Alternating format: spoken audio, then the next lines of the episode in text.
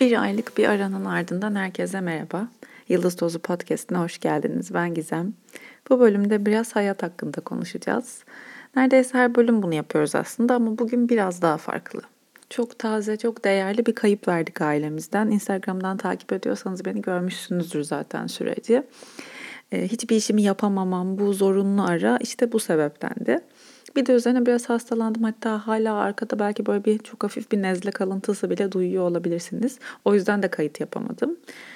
Aslında tam bu noktada bu bölüme hazırladığım giriş bitiyordu. Sonra aynı günün gecesi yani bu bölümü kabataslak hazırladığım gece sabaha karşı 17 senelik köpeğimiz Pöti ile de vedalaştık. Bir senedir kalp hastasıydı zaten ilaçlarını alıyordu ve iyiydi normaldi. O gün nefesinde bir zorlanma oldu. Gece acile gittik. Gittiler daha doğrusu annemler ve Tufan. Yoğun bakım aldılar. Oksijen verdiler orada. Bu gece burada kalsın dediler. Hani acil bir şey olabilir. E, evden yetişemezsiniz ya da zor olur diye. Sabaha karşı da telefon geldi. Nefesi kötülemiş, kalbi durmuş. Pıt diye böyle. Tabii ki hem yaşlanmış olması hem de acı çekmeden gitmiş olması çok değerli. Annemler açısından da pötü açısından da hep buna dua ettim ben. Ama kayıp kayıptır düştüğü yeri ne olursa olsun yakıyor ateş işte. Acılara yürüyor korkmuyorum diye bir şarkı sözü vardı. Biraz öyle oldum ben bu aralar yani. Ee, Ocak'tan beri. Yani hatta 2024'ün girişinden beri ki 24 sayısını çok severim. Böyle bir dönemindeyim. Dolayısıyla da hayatımın kendimi yaratıcı ya da üretken hissedemediğim bir dönem oldu. Fakat çok uzun aralar hep fazla gelir bana. Yani dinleyici, izleyici olarak da sevmediğim bir şeydir bu takip ettiğim biriyle, biriyle çok uzun görüşememek, dinleyememek, izleyememek. Bu yüzden işte geldim buradayım. Artık iyisiyle kötüsüyle bu halimle elimden geldiğince, dilim döndüğünce konuşmak istedim. Benim anneannemler dört kardeşti. Şu an dördü de el ele dans ediyorlar gökyüzünde. Anneannem Nimet, kardeşlerim Müşerref, Nuran ve Müzeyyen. Onlardan Nuran anneannemin kızı Saadet teyzem 10 Ocak günü bir beyin kanaması geçirdi ve özetle onu takip eden 3 hafta içerisindeki yoğun bakım sürecinde üst üste gelişen komplikasyonların sonucunda da onu kaybettik 1 Şubat'ta. Kendisi bir organ bağışçısı olduğundan karaciğer ve böbrekleriyle 3 kişinin yaşamına ve ailelerine can kattı. Sırf aslında bu bile özetlemeye yeter onu. Hakkında söyleyebileceğim çok şey var aslında ama tam öyle bir bölüm planlamadım. Benim ilk veya en büyük kaybım değildi Saadet teyzem ama beni bir farklı yıktı geçti. Bunu irdelerken biraz daha anlaşılabilir olması adına birkaç bilgi vermek isterim. Kendisi 45 yaşında emekli olup hayallerinden biri olan motosiklete binmeyi öğrenip kendine dehşet bir Harley Davidson alıp Kaş'a yerleşen bir orgeneral kızı. Senelerce kurumsalda çalışmış bir eczacılık fakültesi mezunu. Bir de benim canımın içi kuzenim Aslı'nın annesi idi. Hala öyle aslında ama başka bir boyutta. Yani özüne, kalbinin sesine sadık, tam anlamıyla böyle esaslı tabir edeceğimiz bir kadındı ve öyle de bir hayat yaşadı. Göz arkada da gitmedi. Kendi ağzıyla söylemiş bunu zamanında. Ben tamamım demiş torunu olduğunda. Tamamım ben ya demiş. Bir de sıkıldım artık diyormuş son zamanlarda. Hayata doyup tatmin olmuş bir 65 yaşındaydı yani. Ve bu süreç boyunca onu tanıyan herkesle bunu konuştuk. Biz daha 30'lu yaşlarımızda onun onda biri kadar yaşadım diyecek bir hayat sürmüyoruz ya da süremiyoruz. Ama o bunu çoktan söyleyecek ve sanki o yaşamın iplerini eline alacak şekilde yaşamayı seçti. Bu kayıp ve bu konu beni tabii ki hayatın her alanını sorgulamaya ve hiçbirinden tatmin duyamadığımı hissetmeye itti. Bakın her şeyi ama her şeyi sorguladım. Derinlemesine de değil ha şey gibi. Ay bundan da sıkıldım. Uf bu istediğim bir şey değil. Aman şu da keşke şöyle olsaydı. E, bu hiç böyle olmayacak mı? Gibi. Dev bir memnuniyetsizlik çöktü üzerime. Tabii ki soluğu terapide aldım. Aslında tam yeri şu an sponsorum Salus'tan bahsetmenin ama şimdilik sponsorlukları için teşekkür edip vereceğim bilgiyi sona bırakacağım. Bu öyle bir sohbet değil çünkü. Terapistimi bir yıldır görmüyordum. Hatta en son görüşmemiz köpeğim Audrey'nin vefatının hemen öncesindeydi. Benim de olayım buysa demek. O bu halimi çok normal, sağlıklı bir yaz süreci olarak adlandırdı. Daha çok yeni, çok tazeydi her şey. Geçecekti, yine rutine dönecektim. Bu acıdan takıldığım noktaları aklımda tutup hayatın geri kalanında aldığım derslerle devam etmem iyi olabilirdi belki. Örneğin Saadet teyzeyle keşke yakın zamanda görüşebilmiş olsaydım veya keşke bir tane şerefe fazla yapsaydım, daha fazla anım olsaydı.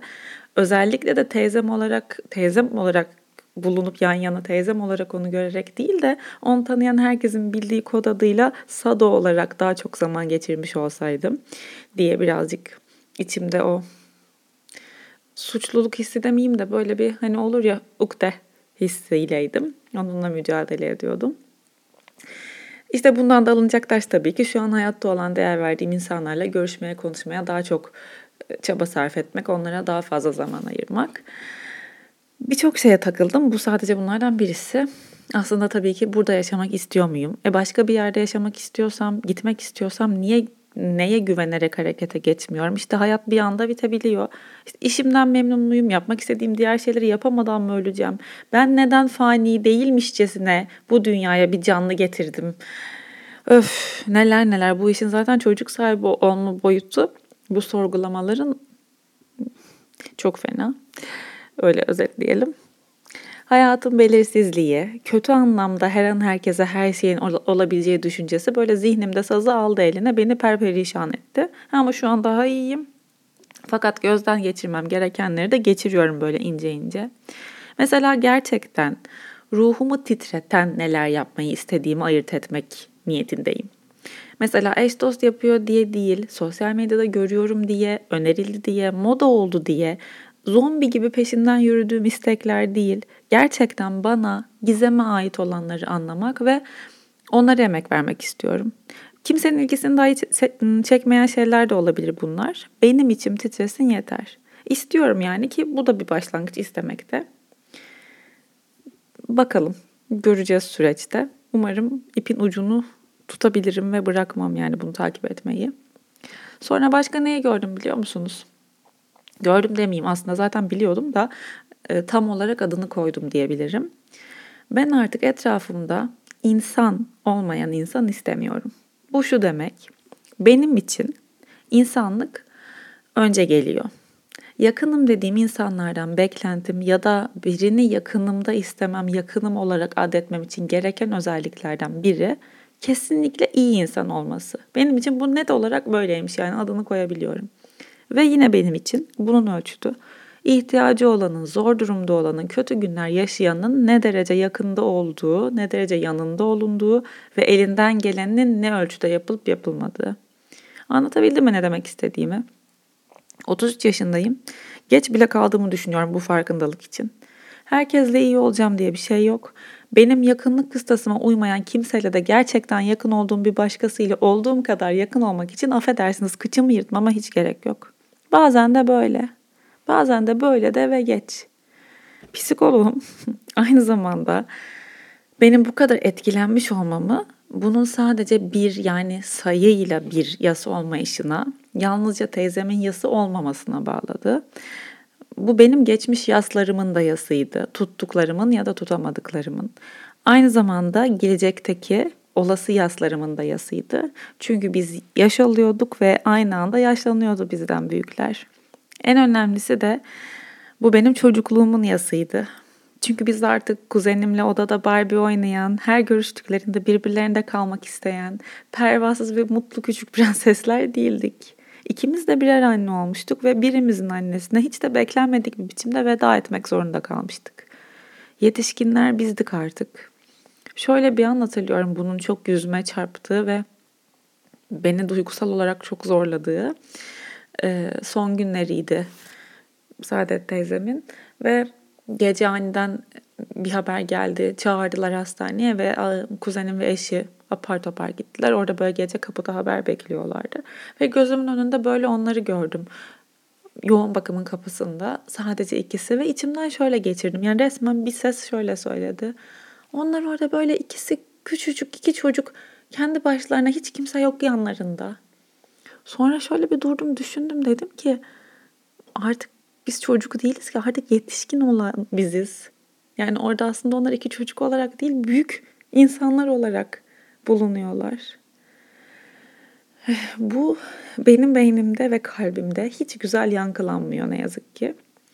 Hiç istemiyorum büyümeyi. Yetişkin olmak da istemiyorum. İstemedim. Hiçbir zamanda tam olarak istediğim söylenemez. Böyle dev bir kaybetme korkum vardır benim. Bakın sizinle tanışayım. Bir kelime hoş sohbet edeyim. Hemen içim titrer ya size bir şey olursa diye düşünüp şaka yapmıyorum. Abartmıyorum da. Yani dolayısıyla bizim çocukluğumuzun o Fenerbahçe orada evinde kurulan bayram sofralarımızdan erkenden ya da ziyadesiyle doyup kalkan herkesin de kırıklığı kalbimde. Kaç kişi kaldık şimdi o masada? Oysa kaç kişiydik? Ne güzeldik. Biliyorum şu an kafanızda zakkum anason çalıyor. Benim de bir aydır durmadan kafamda çalıyor ki hiç sevmezdim normalde o şarkıyı. Bir aydır hem kafamda hem radyomda hem telefonumda kulaklığımda çalıyor. İronik bir biçimde Saadet teyzenin de en sevdiği şarkılardanmış.